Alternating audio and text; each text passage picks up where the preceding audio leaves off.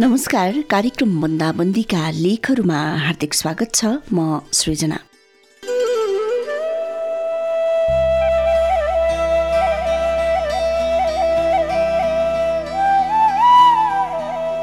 कोरोनाको धेरै कुराहरू हामीले बन्दाबन्दीका लेखहरूमा गरिसकेका छौँ। धेरैका कथाहरूलाई समेटिसकेका छौँ। दैनिकीहरूमा परिवर्तन भएपछि मनमा आएका भावनाहरूलाई हामीले सुनाइसकेका छौँ। यो क्रम अझै जेठ बत्तीस गतिसम्मको लागि लम्बिसकेको छ। त्यसपछि बन्दाबन्दी लम्बियो भने बन्दाबन्दीका लेखहरू पनि लम्बी नै रहनेछ। तपाईँ स्वस्थ र सुरक्षित रहनुहोस् भन्ने कामनासँगै आजको लेखको सुरुवात गर्नतर्फ लाग्छु म। आज मैले हेर्ने कथाबाट साभार गरिएको सेलाएको चिया र सपना शीर्षकको लकडाउन डायरी लिएको छु। सबै थारूजीले दाङबाट लेख्नु भएको यो लकडाउन डायरी आजको कार्यक्रममा।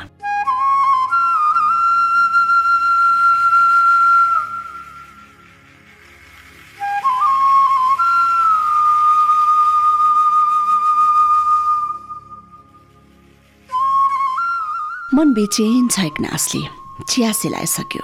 आमाको मधुर स्वरले झसङ्ग हुन्छु। मोबाइलको अलार्म बज्नु अघि आँखा खुल्ला भइसकेका छन्। यहाँ आँखाहरू पनि अचेल त सपना देख्नका लागि बन्द भएका छन् अनि चियासँगै सपना पनि सिलाएका छन्। कोरोना महामारीले विश्व आक्रान्त भइरहेको बेला नेपालमा बन्दाबन्दी जारी रहेको सायद सत्तरीौँ दिनमा यो डायरी लेख्दैछु। सायद यस मानेमा कि अचेल दिन गन्न पनि छोडिसकेको छु। मलाई चिया असाध्यै मनपर्ने।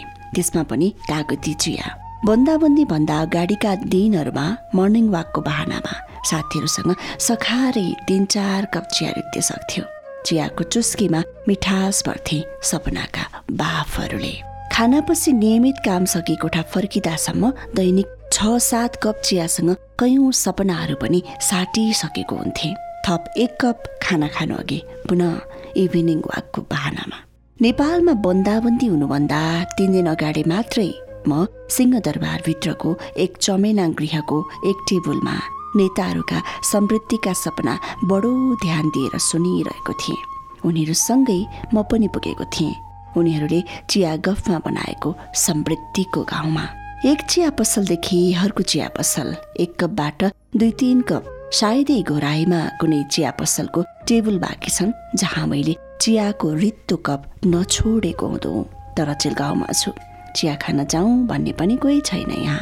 सहर गाउँ जहाँ भए पनि बन्दाबन्दीको नियम त पालना गर्नै पर्यो। बन्दाबन्दीका सुरुवाती दिनहरू गाउँघरमा रविपात स्याहार्नमै व्यस्त रहे। सडक सुनसान रहे पनि खेत र खलियान भने व्यस्त देखिन्थे। किसानहरूले खेतमा अन्नको बिउ मात्र छरेका हुँदैनन्। अन्नसँगै सपना पनि छरेका हुन्छन्। सपना कम्तीमा बिउको सावा मात्र भए पनि अन्न फलोस्।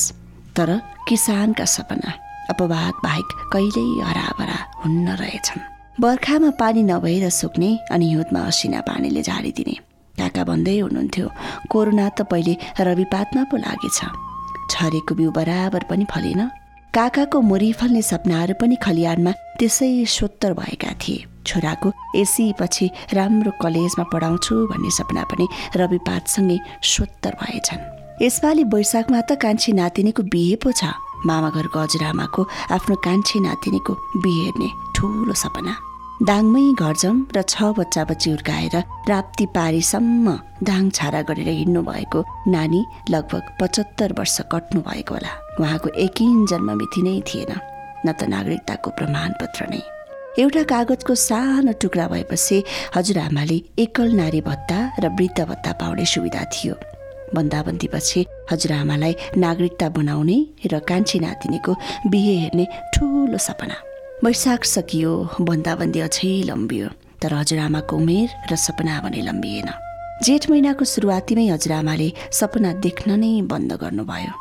कस्तो दुर्भाग्य। सरकारी कागजी ढड्डामा आफू पनि नेपाली नागरिक हुँ भनेर लेखाउन नपाउँदै हजुरआमाका सपना पनि अस्पतालको पर्चासँगै चलेर खरानी भए।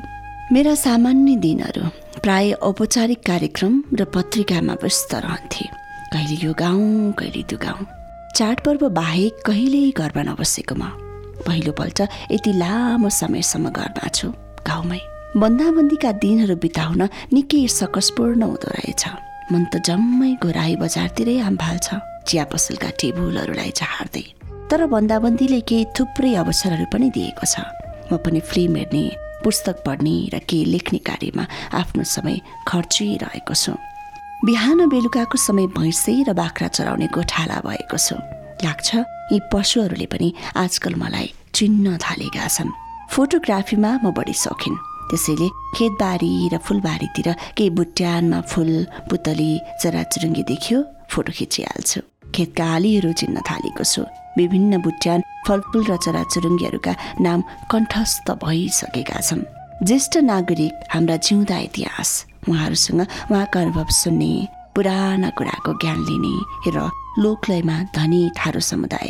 उहाँहरूलाई सजना मागर गुनगुनाउन लगाउँछु र रेकर्ड गर्छु। प्रविधिले दिएको सुविधा युट्युबको सहायताले ग्राफिक्स सिक्दैछु। साथै जापानमा विद्यावारिधि गर्दै आउनु भएको कनेलाल चौधरीको एउटा किताबमा सहसम्पादकको जिम्मेवारी पनि पुरा गर्दैछु। हरेक वर्ष चैत्रको तेस्रो सातातिर हुने थारू साहित्यिक महोत्सवको यसपालि पाँचौँ श्रृङ्खला बन्दाबन्दीका कारण स्थगित भयो।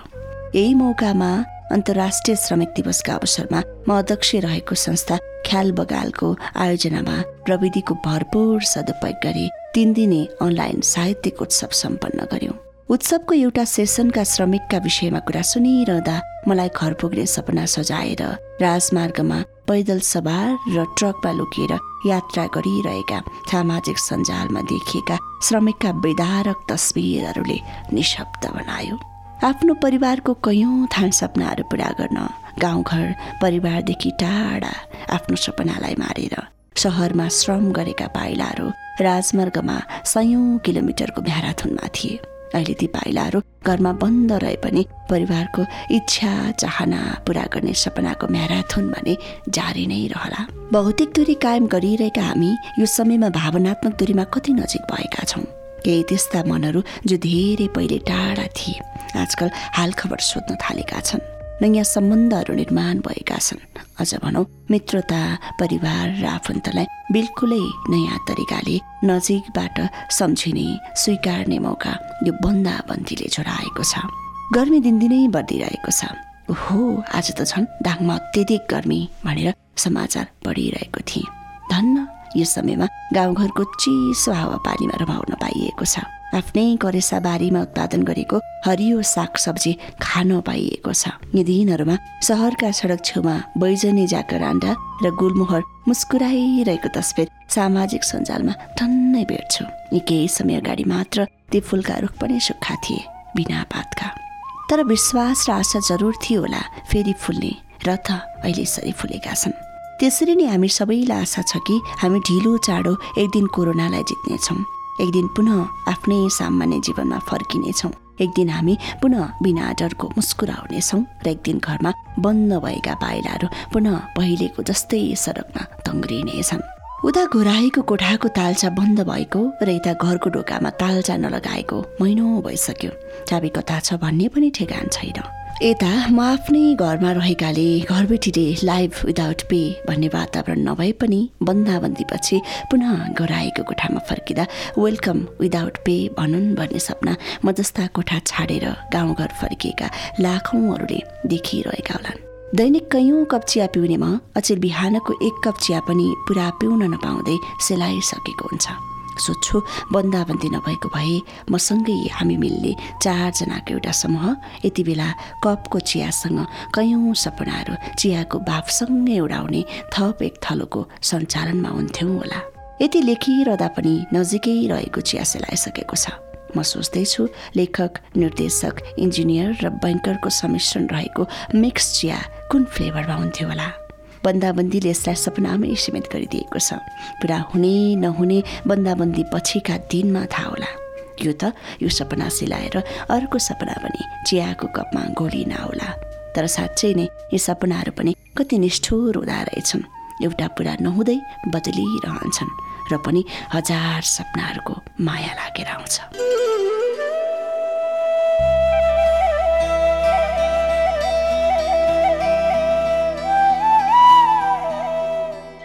सबै थारूजीले दाङबाट लेख्नु भएको सिलाएको चिया र सपना शीर्षकको लकडाउन डायरी आजको कार्यक्रममा प्रसारण गरे श्रोता मित्र। आजलाई पनि बन्दाबन्दीका लेखहरू यति नै। भोलि फेरि अर्को एउटा लेखको साथमा उपस्थित हुनेछु। यतिन्जेलसम्म सुनेर साथ दिनुभयो तपाईँ सम्पूर्ण श्रोताहरूलाई विशेष धन्यवाद र प्राविधिक मित्र प्रहलादलाई विशेष आभार भन्दै बिदा हुन्छु। नमस्कार।